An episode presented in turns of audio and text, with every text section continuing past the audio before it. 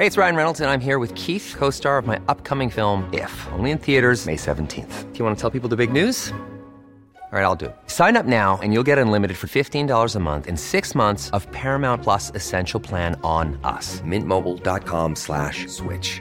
Upfront payment of $45 equivalent to $15 per month. Unlimited over 40 gigabytes per month. Face lower speeds. Videos at 480p. Active Mint customers by 531.24 get six months of Paramount Plus Essential Plan. Auto renews after six months. Offer ends May 31st, 2024. Separate Paramount Plus registration required. Terms and conditions apply if rated PG. Quality sleep is essential. That's why the Sleep Number Smart Bed is designed for your ever evolving sleep needs. Need a bed that's firmer or softer on either side? Helps you sleep at a comfortable temperature? Sleep Number Smart Beds let you individualize your comfort so you sleep better together. JD Power ranks Sleep Number number 1 in customer satisfaction with mattresses purchased in-store. And now, save 50% on the Sleep Number limited edition Smart Bed for a limited time. For JD Power 2023 award information, visit jdpower.com/awards. Only at a Sleep Number store or sleepnumber.com. A lot can happen in three years, like a chatbot may be your new best friend. But what won't change? Needing health insurance. United Healthcare Tri Term Medical Plans, underwritten by Golden Rule Insurance Company, offer flexible, budget friendly coverage that lasts nearly three years in some states. Learn more at uh1.com. Gjenklang.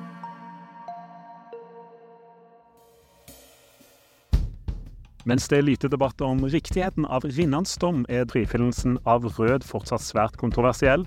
Til tross for at de hadde gjort seg skyldige i litt forskjellige forbrytelser, ble både Rinnan og Rød under landssvikoppgjøret tiltalt for å ha bistått fienden. Hva er det som gjorde at Rinnan ble dømt til døden, mens Rød ble frikjent?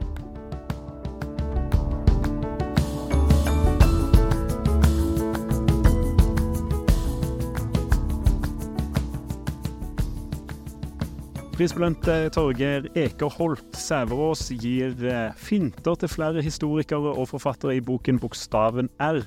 100 landssviksaker fra Rinnan til Rød. En bok som opplyser, egger til mer kunnskap og utfordrer til debatt. Det skrev VG 8.8 i år. Og den prisbelønte forfatteren er med oss i dag. Torgeir Ekerholt Sæverås, velkommen til Historier som endret Norge. Tusen takk for det. Gratulerer med en veldig fin bok, da. Takk for det også. Hvordan er det å, å få han ut? Ja, nei, hva skal jeg si? Altså, det er jo fint å ha satt punktum, men det er jo også litt sånn Litt sånn ambivalent uh, følelse, for at, uh, det er jo et veldig uh, omstridt tema. Og så er det også ting som jeg på en måte ikke er ferdig tenkt på. Så, men alt i alt så begynner jeg liksom å føle at Hva skal jeg si? Står inne for det og er klar for å liksom, diskutere boka og sånt. Da. Jeg synes det er, det er en utrolig viktig sak, så det, det er jo viktigste. Liksom at, ja. At jeg føler at jeg har noe å bidra med, da, kanskje. da. Men ja, hele den boka.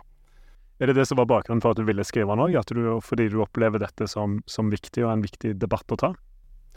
Ja, absolutt. Og også litt fordi at jeg har en litt annen inngang til saken, eh, kanskje. Fordi at jeg, had, eh, altså, jeg hadde en grandonkel som eh, hadde samme stilling som Rød i Stavanger. Og også var hva skal jeg si, ansvarlig for gjennomføringen av aksjonen mot jødene der i byen. Da. Så for meg også så er jo dette et, på en måte et moralsk spørsmål. ikke sant? Og prøve å bidra til opplysning så godt jeg kan, da. Som historiker. For jeg har også da doktorgrad i historie og skrevet bøker om eh, tyske okkupasjonsmakten, blant annet. Og eh, det er både en personlig og faglig interesse som ligger i bånn, da. Rettsoppgjøret, hvis vi skal si litt generelt om det, hva, hva var det de egentlig la til grunn når de tiltalte disse nordmennene? De starta ganske tidlig, egentlig, med å forberede et rettsoppgjør etter krigen. Og et eh, hva skal jeg si, eventuelt tysk nederlag, da. Altså, det var jo såpass tidlig at det, det, var ikke sånn soleklart at det var den veien det skulle gå, kanskje. Det var jo sånn i 41, og, men eh, de var liksom veldig tydelige på at eh, hva skal jeg si, forræderne skulle straffes, da. og da tenkte man Særlig på NS-medlemmer og andre som hadde gått eh, fienden til hånde, hånde og gitt fienden bistand. Da. Så i uh, straffeloven så Jeg tror jeg skal lese opp den. så, yeah. klarer oss. så uh, Den som rettsstridig bærer våpen mot Norge, eller som under en krig hvori Norge deltager, eller med sådan krig for øye yder fienden bistand, i råd eller dåd, eller svekker Norges eller noen med Norge forbunden stats stridsevne, kunne straffes med fengsel eller hefte i minst tre år, og om nødvendig på livstid. Ja, så det var uh, uh, den viktigste forræderiparagrafen i straffeloven. Den var der før krigen, eller ble han liksom satt inn eh, under krigen? Eh, den var der eh, fra, eh, før krigen, altså fra straffeloven av 1902. Så er det det med dødsstraff de legger, legger til her? Ja, blant annet så i løpet av krigsårene så utvikla man eh, lovverket og eh, utstedte en, en rekke provisoriske anordninger. Eh, som blant annet kriminaliserer NS-medlemskap og innfører dødsstraff. Og så kom det ulike bestemmelser for gjennomføring av oppgjøret osv. Eh, ja. Og det var jo viktig i den kommunikasjonen å få, Ja. få ut det, at eh, hvis eh, Norge kommer seirende ut her, så skal, så skal det straffe seg å ta den siden. Ja.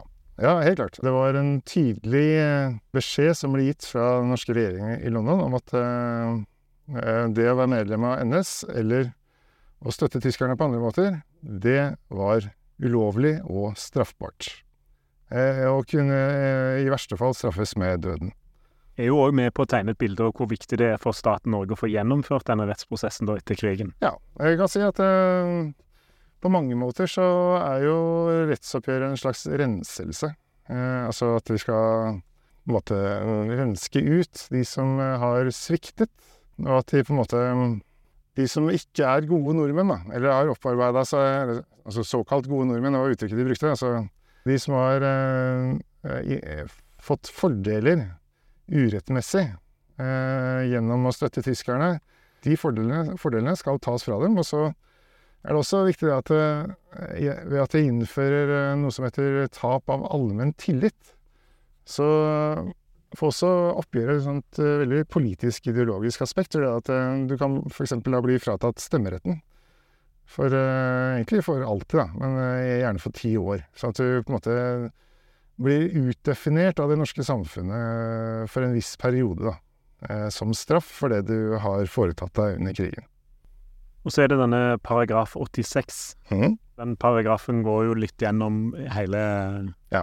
landssvikoppgjøret, da. Ja, for det, det er jo egentlig veldig interessant det at de, at de bruker én lovparagraf på så mange saker, da. Altså eh, Landssvikoppgjøret totalt sett eh, omhandlet eh, 92 805 saker. Og i litt over halvparten av de sakene så ble det en eller annen form for straffereaksjon, da. Paragraf 86 blir jo brukt om de mest alvorlige tilfellene. Jeg har ikke noe tall på akkurat hvor mange det var, men landssvikanordningen ble innført for også kunne straffe de som eh, f.eks. hadde vært passive medlemmer av NS. Da. For det at eh, minstestraffen i eh, straffelovens paragraf 86, det var tre års fengsel, eh, eller hefte. Sånn at, eh, det var altfor strengt for hvis det hadde vært en husmor som hadde liksom blitt trua inn i NS av mannen din, så var det en altfor streng straff, da. Og da, I sånne tilfeller så ble det gjerne at du fikk et forelegg på en bot på 500 kroner i, da, datidens penger, og kanskje da tapte muligheten til å stemme og, og eh, ja, inneha, inneha offentlig verv eller militærtjeneste osv.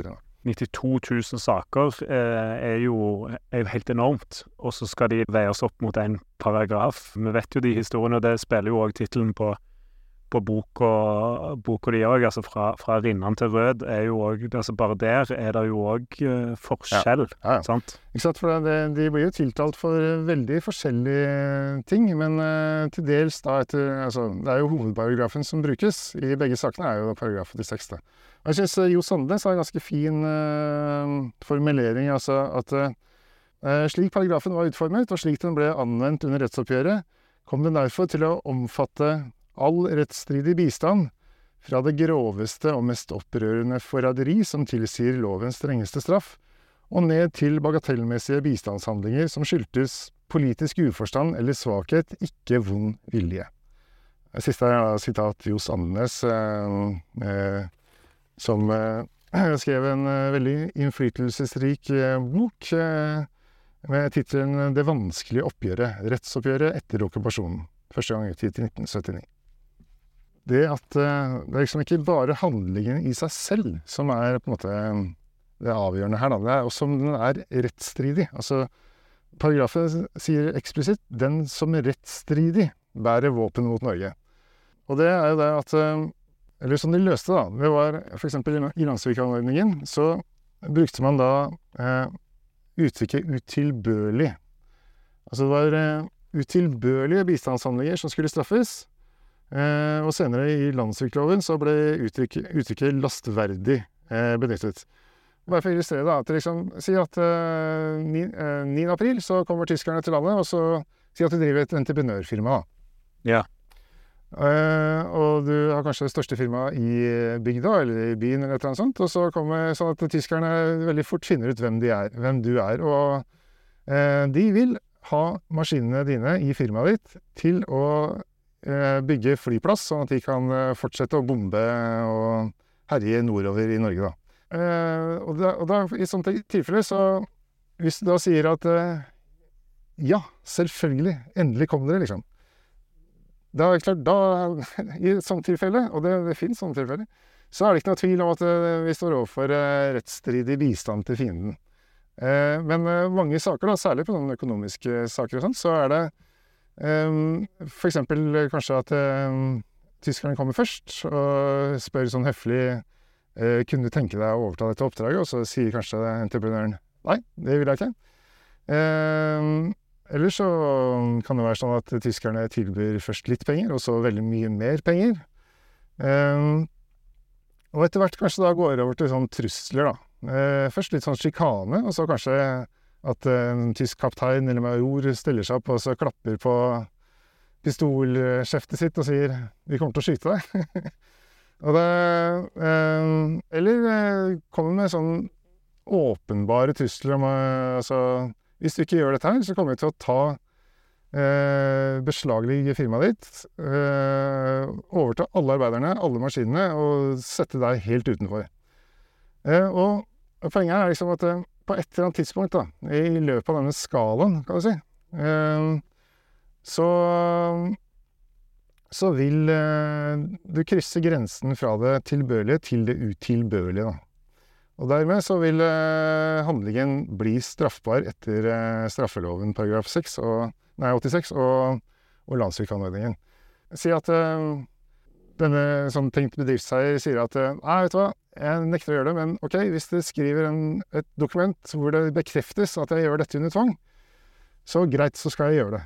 Eh, og det, sånne tilfeller finnes også. Og det, det er jo sånn egentlig at alle disse handlingene eh, som kan ha ganske forskjellig si, motivasjon. Da. Eh, de, for tyskerne så kommer dette her ut på ett. Eh, de bryr seg ikke om, eh, altså, i hvert fall i liten grad, eh, om eh, bedriftseieren gjør dette frivillig, eller om de må betale mye penger for det. Eller Det viktigste er at det blir gjort. For dette her, for de så er det strategiske, krigsviktige forhold som er det avgjørende. Eh, så om en eh, norsk bedriftseier har dårlig samvittighet, det bryr seg ikke om. De må gi et sånt dokument på at eh, ja da, det, det, dette er tvang, liksom. Så greit. Det viktige er at det blir gjort. Og det er det som gjør det vanskelig når vi skal vurdere i ettertid, for at uh, det er på en måte to litt forskjellige vurderinger. Altså det tyskerne vil ha, og får, uh, og det straffbarheten av handlinger som egentlig ser ganske like ut fra en viss avstand. da. Altså Det kan jo være forskjellig òg liksom fra, fra, landsdel til landsdel, og hvilke eh, forkunnskaper en har rent politisk òg, da, eh, ja. før krigen bryter ut. Her er det Det oppstår veldig mange sånne eh, gråsoner og etiske og moralske dilemmaer som eh, eh, Som domstolen da eh, får ganske sitt fulle hyre med i mange tilfeller, i hvert fall. Altså, I mange tilfeller, sånn som i Rinnan-saken, så er det ikke noen tvil om at liksom, her er det en åpenbar stornazist som har eh, torturert og myrda for fote. Eh, men eh, f.eks. i økonomiske landssvikssaker så blir de vurderingene veldig mye mer komplisert. da. Og så skal det gå, det skal jo også gå ganske fort. For altså, Før krigen så hadde det norske rettssystemet kapasitet på 4000 saker i året.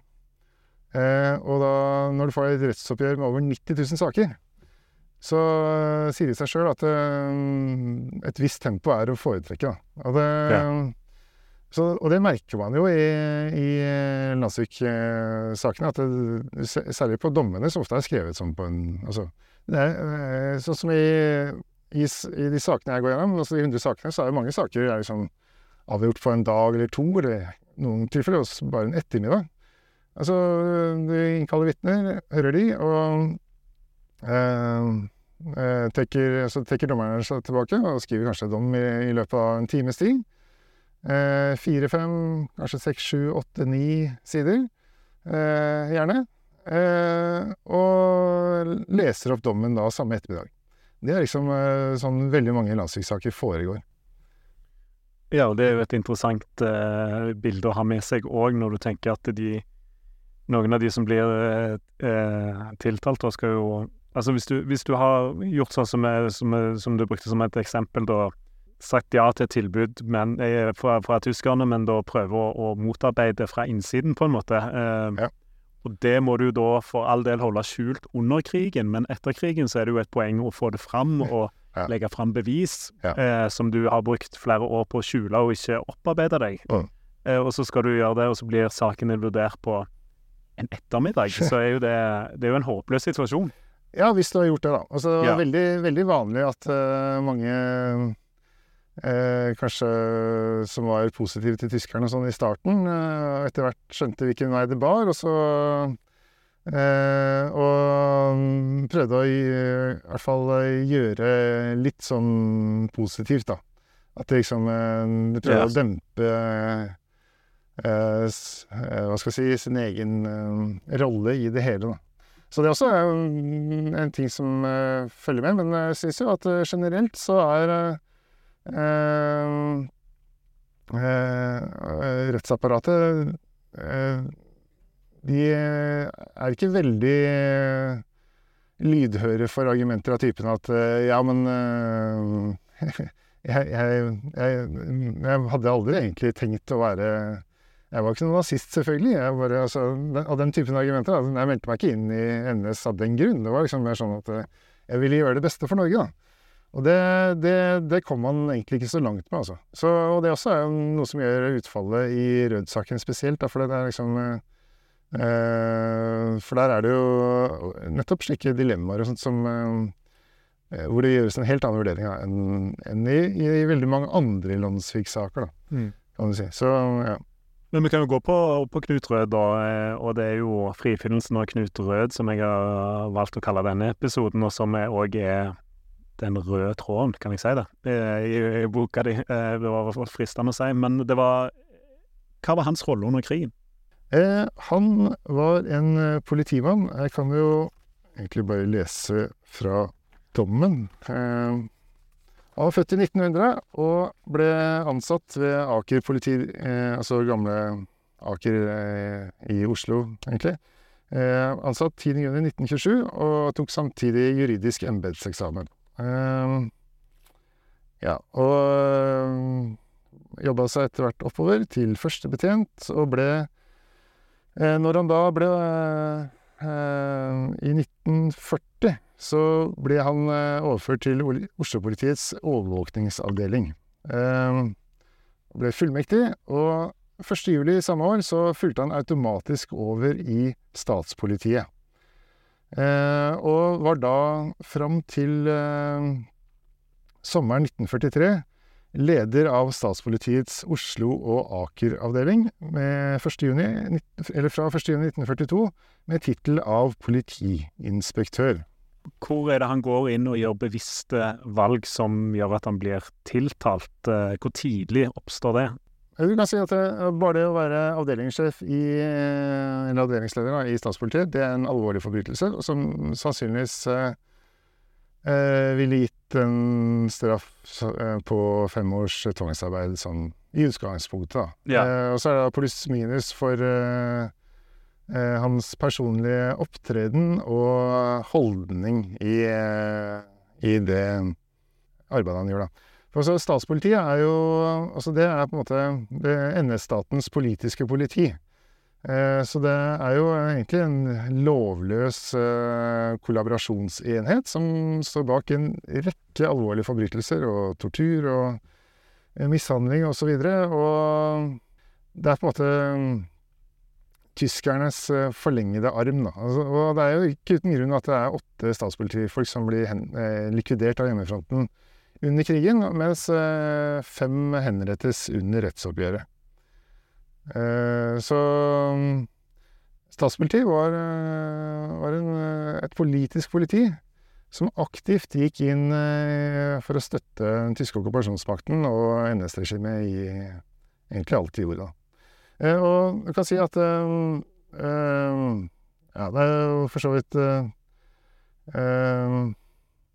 Spørsmålet her i, i forhold til Rød-saken er kanskje at han altså, Eller som dommerne bruker mye tid på, er Eh, NS-medlemskapet hans, som da han melder seg inn den 4. januar 1941. Og blir stående som medlem til september 1943, hvor han melder seg ut, da. Og bare det å melde seg inn i NS også er jo en forbrytelse. Det er jo da alle disse dilemmaene og vurderingene dommerne skal gjøre, slår inn, da. Altså hvorfor han gjør det, og, eller hva som er hensikten med det. og Eh, hva han kan hva skal jeg si, eh, gjøre i sin stilling eh, for å verne om norske interesser. Da. det er mye sånne vurderinger de gjør i rettssaken, som i ettertid er svært Hey, it's Ryan Reynolds, and I'm here with Keith, co star of my upcoming film, If, only in theaters, May 17th. Do you want to tell people the big news? All right, I'll do it. Sign up now and you'll get unlimited for $15 a month in six months of Paramount Plus Essential Plan on us. Mintmobile.com slash switch. Upfront payment of $45 equivalent to $15 per month. Unlimited over 40 gigabytes per month. Face lower speeds. Videos at 480p. Active Mint customers by 531.24 get six months of Paramount Plus Essential Plan. Auto renews after six months. Offer ends May 31st, 2024. Separate Paramount Plus registration required. Terms and conditions apply if rated PG. Quality sleep is essential. That's why the Sleep Number Smart Bed is designed for your ever-evolving sleep needs. Need a bed that's firmer or softer on either side? Helps you sleep at a comfortable temperature? Sleep Number smart beds let you individualize your comfort so you sleep better together. JD Power ranks Sleep Number number 1 in customer satisfaction with mattresses purchased in-store. And now, save 50% on the Sleep Number limited edition smart bed for a limited time. For JD Power 2023 award information, visit jdpower.com/awards. Only at a Sleep Number store or sleepnumber.com. A lot can happen in 3 years. Like a chatbot may be your new best friend. But what won't change? Needing health insurance. United Healthcare tri-term medical plans underwritten by Golden Rule Insurance Company offer flexible, budget-friendly coverage that lasts nearly 3 years in some states. Learn more at uh1.com. Høsten 1942 så går tyskerne til arrestasjoner av eh, jødene. Eh, hva var hans rolle der? Ja, nei, det er jo da det store stridsspørsmålet. Eh, eller altså det er ikke, det er ikke stridsspørsmål at han hadde en, eh, en delvis også ledende rolle eh, i enkelte hva skal vi si, etapper.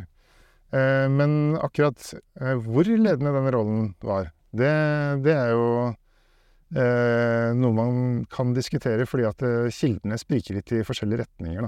Én eh, ting som er interessant, er at eh, han ikke nekter for å ha utført handlingene han står tiltalt for.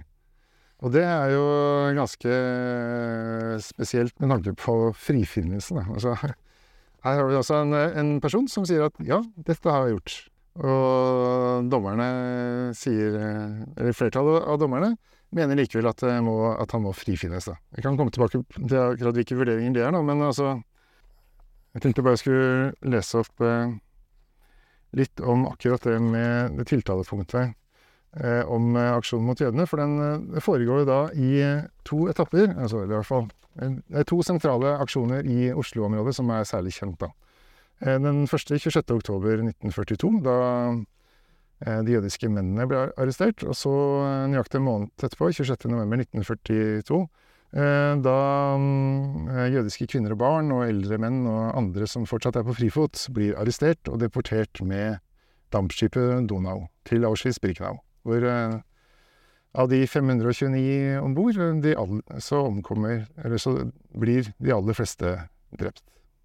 26.10.1942 iverksatte tiltalte, altså Knut Rød, pågripelsen av de mannlige fulljøder i Oslo, Aker, Bærum og Asker, etter å ha fått ordre herom av statspolitisjef Martinsen et par dager før. Eh, det var første punktet. Andre eh, 26.11.1942 iverksatte han pågripelse av de øvrige jøder innen samme område, likeledes etter å ha mottatt ordre av Martinsen noen dager før. Ja. Eh, og som sagt så innrømmer jo Rød Ja. i stort, stor grad å ha gjort eh, akkurat dette. Og da er det store spørsmålet hvor, hvordan i all verden kan han da bli frikjent? Men han erklærer seg jo ikke skyldig. Nei, han erklærer seg ikke straffskyldig. Nei. Eh, Så han har jo et eh, forsvar her, da. Rød eh, selv, eh, ifølge dommen sier, er at han innrømmer selv at han i rent faktisk henseende har utført de handlinger som foran og i tiltalebeslutningen er beskrevet, men han hevder at han ikke ved noen av disse har gjort seg skyldig i forsettlig forbrytelse mot de straff straffebud som er nevnt i tiltalebeslutningen.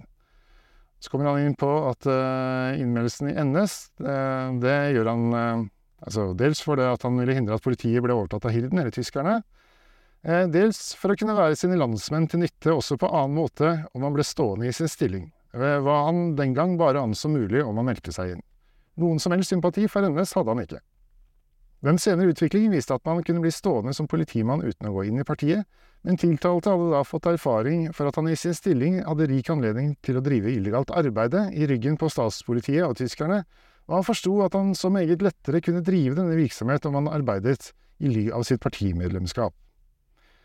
Eh, Med hensyn til sine øvrige handlinger hevder tiltalte at selv om de objektivt og isolert sett kan betegnes som bistand til fienden, om en ringe sådan, så har han ikke utført dem i den hensikt, men alene for å kamufle kamuflere sin illegale virksomhet. Han kunne ikke helt neglisjere de plikter hans stilling påla ham uten å pådra seg mistanke. Da er mitt spørsmål hvilket illegalt arbeid Vi kan først ta det Rød sier selv. Altså, spesielt med hensyn til jødeaksjonene framholder tiltalte dessuten at disse var bestemt i Berlin, og at det ville ha gått sin gang uansett hva tiltalte hadde foretatt seg. Og så eh, anfører da retten at eh, før aksjonen 26. oktober så var det en førstebet førstebetjent Kittelsby i hans avdeling i statspolitiet, som tilhørte en illegal gruppe innen dette, fortalte Rød at han hadde sendt ut varsel om arrestasjonen. Eh, tiltalte gikk ut fra at i, hvert fall en del jøder hadde fått varsel. Eh, det var da også atskillige jøder som unnslapp, skriver retten.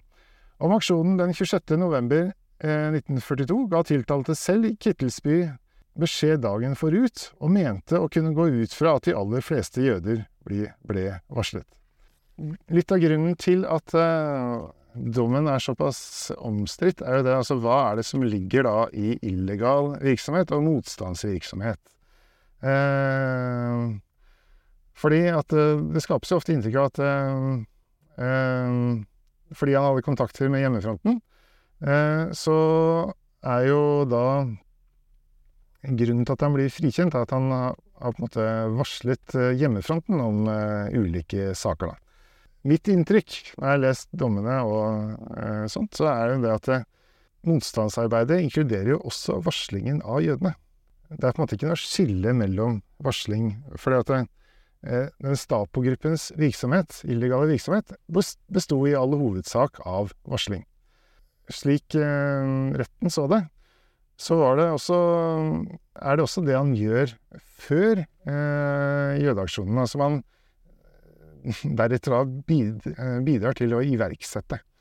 Og det er, det er jo her det hva skal jeg si, eh, et ganske stort dilemma oppstår, da. For at eh, flertallet i Rød-saken, de mener da at dette motstandsarbeidet han er i stand til å gjøre, er jo da faktisk avhengig av at han blir i stillingen og gjør det han gjør f.eks. om morgenen 26.11.1942, som er å iverksette eh, aksjonen eh, mot de jødiske kvinnene og barna, f.eks. Det er viktig å påpeke at eh, eh, dommen, eh, første dommen mot Rød, eh, som endte med frifinnelse, har også en veldig kraftig dissens fra lagdommer Johan Munther Cappelen, som er veldig, veldig uenig i flertallets vurdering eh, av det som har kommet fram under rettssaken. Men jeg syns det er interessant å bemerke at han er ikke han er ikke uenig i de faktaene som er avdekket, på en måte. Han er bare Han er eh, svært uenig i flertallets vurdering av de samme faktaene. Eh, jeg lurer på nesten om kanskje vi skal lese Cappelens dissens også, bare for å få et sånt eh, inntrykk av, av hva Av hvilke diskusjoner som ble gjort, da. På grunnlag av de således foreliggende opplysninger anser retten å kunne fastslå at tiltalte ikke gikk inn i NS eller statspolitiet for å yte fienden bistand, men tvert imot for å motarbeide ham. Og hva angår tiltaltes øvrige handlinger, som statsadvokaten, bortsett fra jødeaksjonene, eh, betegner som eh, bagatellaffærer, finner retten godtgjort at, at tiltalte har utført dem utelukkende i den hensikt å kamuflere sitt særdeles viktige arbeide til beste for motstandsbevegelsen og hjemmefronten.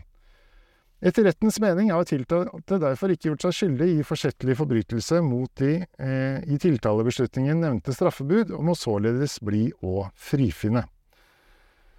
Og så heter det at lagmann Cappelen er ikke enig med flertallet og bemerker jeg innrømmer at det ved, at det ved den, her, ved den foran refererte vitneførsel er ført bevis for at tiltalte har ytet nordmenn som var i søkelyset av, av statspolitiet, verdifull støtte, og at han også ga viktige opplysninger til de politifolk ved hans avdeling som samarbeidet med motstandsbevegelsen. Jeg finner imidlertid ikke bevist at tiltalte meldte seg inn i NS den 4. januar 1941 med annen hensikt eller på andre forutsetninger enn det store, flertall, store antall politimenn som gikk inn i partiet høsten 1940.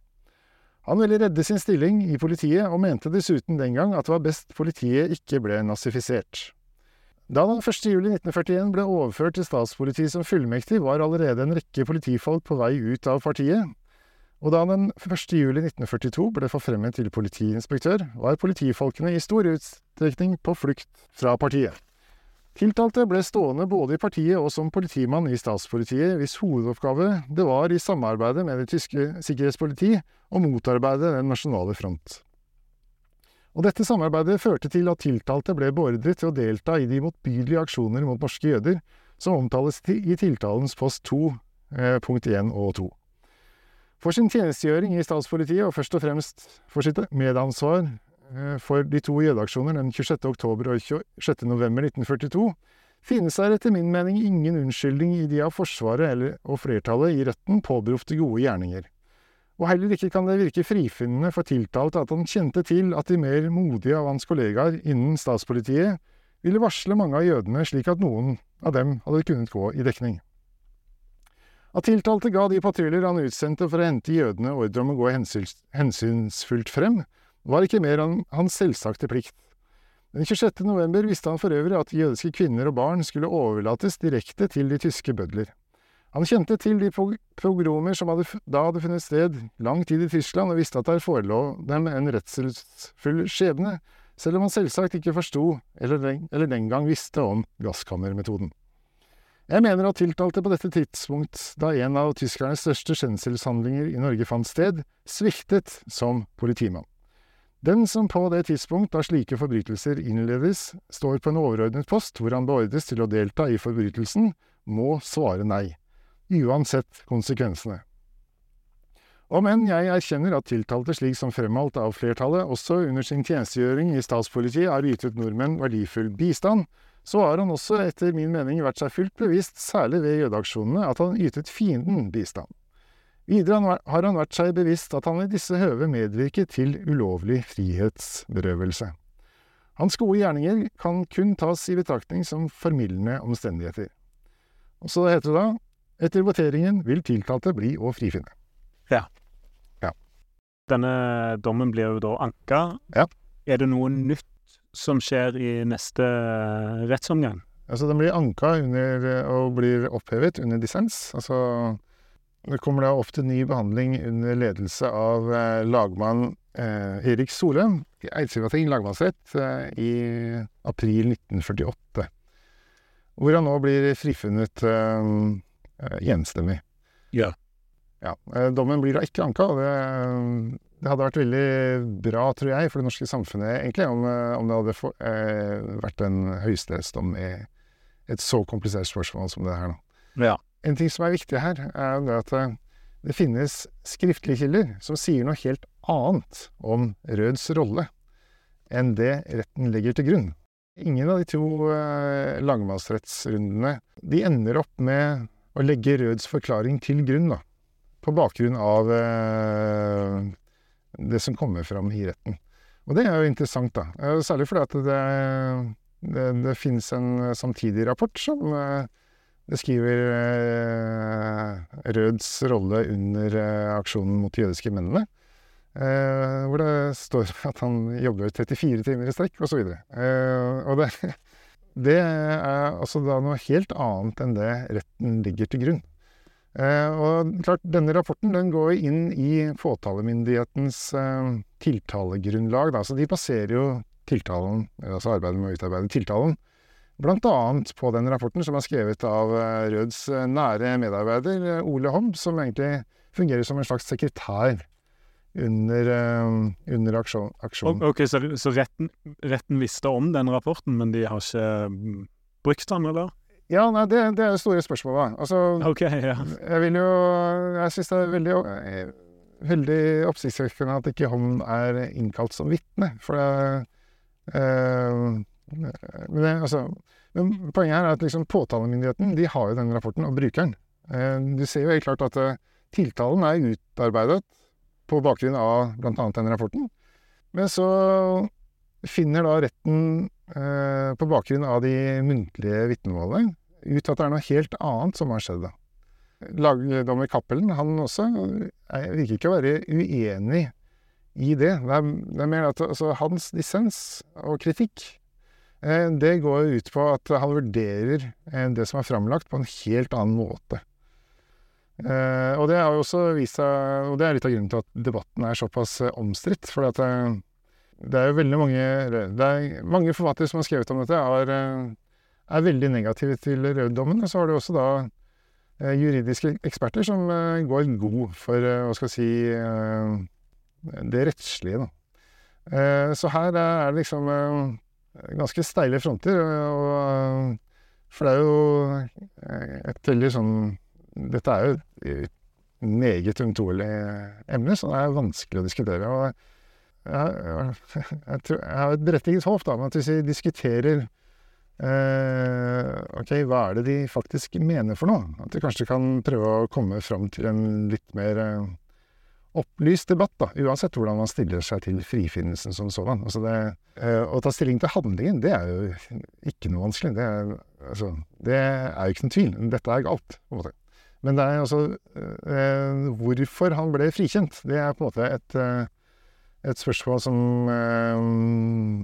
eh, som det går an å diskutere med utgangspunkt i hva retten faktisk mener. Da. Men der også er det jo da eh, flere måter å anlegge den diskusjonen på. Eh, blant annet da, som jeg nevnte, den diskrepansen mellom eh, det som står i den skriftlige kilden, og det retten legger til grunn. Altså det eh, Og nå som Landsarkivet er åpna, så er det jo grunnlag for altså da, Nå begynner jo kildegrunnlaget faktisk å dukke opp, da. Eh, hvis man går gjennom alle disse personene som deltok i aksjonen, f.eks., så, så burde det gå an å finne ut om det er eh, Røds forklaring eller det som står i den rapporten, som er sant. Altså, eh, for, for begge to kan ikke være sanne. De er gjenstridige motstridende. Altså, de, de utelukker hverandre. Eh, I tillegg så kan vi også diskutere det om eh, altså ble den godt nok etterforsket, og, for, og ikke minst ja, hvorfor eh, valgte påtalemyndigheten å ikke kalle inn Ole Homm som vitne, f.eks. Altså, sånne ting, da. Det er en helt sånn legitim kritikk. eh, Men det er nå slik, eh, slik det var, på en måte. Så man kan ikke få gjort noe med det nå. Og, vi vet jo ikke hva som ble sagt i, av veldig mange av eh, eh, vitnene. er jo Altså, de er ikke referert, veldig mange av vitnene.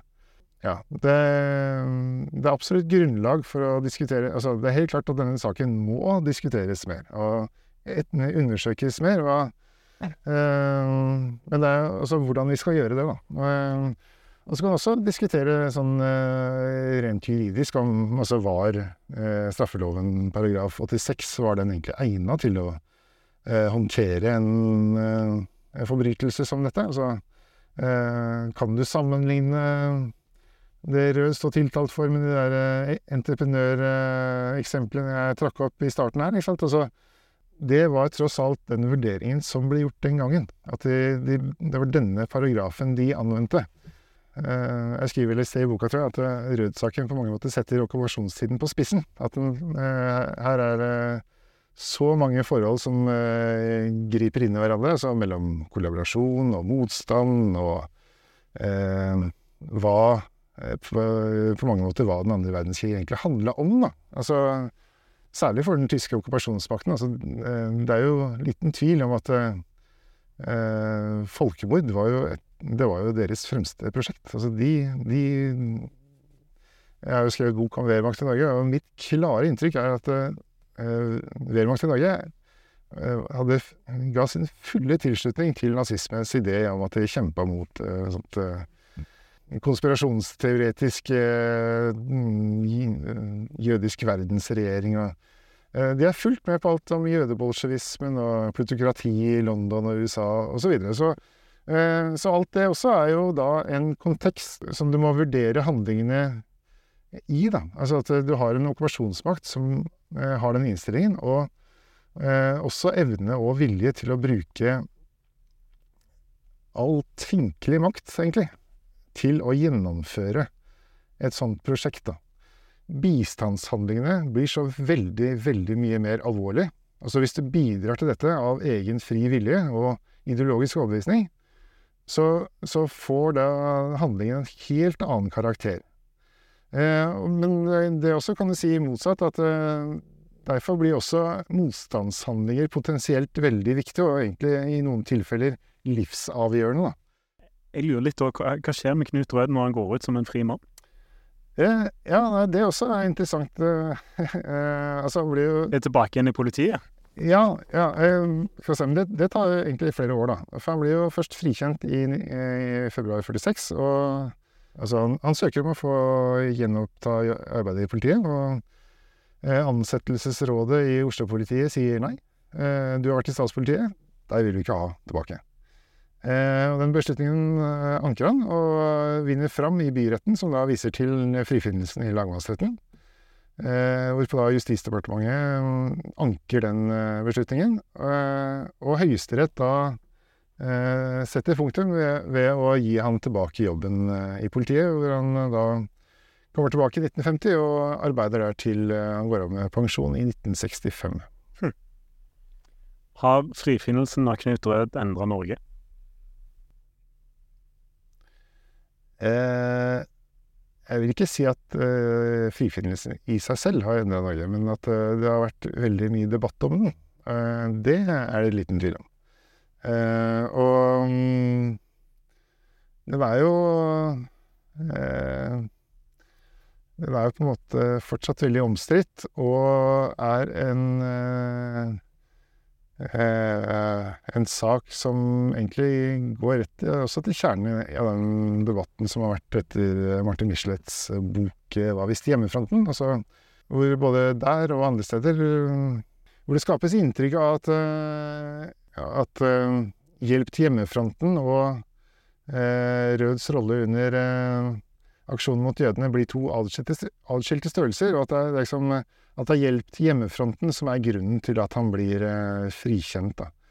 Og det også er med på å eh, heve temperaturen, men eh, akkurat sånn rent teknisk da, så mener jeg at eh, den forståelsen av at eh, eh, motstandshandling kun er noe som angår hjemmefronten, at det, det blir litt for snevert. at Eh, retten eh, også har eh, ment at hans Den varslingen de mener at, som de mener at er bevist, og også andre tillempinger mens aksjonen Eller som de mener at han gjør da, mens aksjonen pågår, at det inngår i motstandsarbeidet. Og så har da flertallet vurdert alt det der som så viktig at de mener at det oppveier for bistandshandlingene han gjør under mer sånn eh, noe man kan få inntrykk av en sånn slags eh, pressa eh, Om ikke tvang, i hvert fall, så under sterkt press, da, fordi at han står i en veldig risikabelt og utsatt stilling. Men eh, det jeg kanskje syns er litt uheldig med debatten, er at den ikke tar eh, Den tar egentlig ikke godt nok utgangspunkt i det dommen faktisk eh, legger til grunn. Da. Det kommer ofte påstander om at Gunnar Sønsteby vitnet i Rød-saken, f.eks. Og det er jo beviselig ikke riktig. Altså, eh, Gunnar Sønsteby hadde ingenting med Rød-saken å gjøre. Altså, han skriver Han nevner eh, Rød i eh, boka si rapport fra nummer 24. Eh, helt sånn kort, én referanse. At, han, eh, at Rød er en av de statspolitimennene han på en måte fikk opplysninger fra. Eh, men boka kom ut i 1960. Eh, eh, og så er det også et dokument eh, som finnes i avskrift i Rød-saken, eh, hvor Sønsteby har gitt attest til Røds undergitte Mathias Løvstøhagen, som var en slags sånn kontaktmann mellom, mellom de motstandsmennene i statspolitiet og eh, andre illegale grupperinger, da, særlig i det vanlige politiet. Eh, som på eh, sendte opplysninger som han bl.a. fikk fra Rød, hvis man skal tro det som står i rettspapirene, eh, videre til andre illegale grupperinger. Da. Eh, inkludert eh, flyktningapparater og, ja, og så videre. Så poenget er er kanskje det at det, er mer enn nok å ta tak i det som eh, de ulike vurderingene som ble gjort i dommene. da. Altså her er det masse vi kan diskutere. Eh, på bakgrunn av de vurderingene som ble gjort. Eh, eh, samtidig som det også er da eh, helt klart grunnlag for å undersøke saken nærmere på bakgrunn av de eh, Altså når Landssvikarkivet er blitt åpnet, da. Og sånn sett er kanskje ikke det at jeg vil, vil ikke si at eh, saken har endret Norge, men, eh, men det at eh, det her er en veldig viktig og sentral inngang til å forstå noe mer altså, om Norge og mm, både rettsoppgjøret og okkupasjonstiden generelt. Fordi at saken i seg selv da, tar opp såpass mange helt sentrale problemstillinger. Torgeir Rikeholt eh, Sæverås, eh, boka di 'Bokstaven R', 100 landssviksaker fra Rinnan til Rød, det er ute nå. og Hvis du er interessert i mer om dette, så anbefaler jeg den, den boka å lese, og kanskje hive deg på debatten, du som hører på. Takk for at du tok deg tid til historier som endret Norge i dag. Tusen takk for at jeg fikk komme.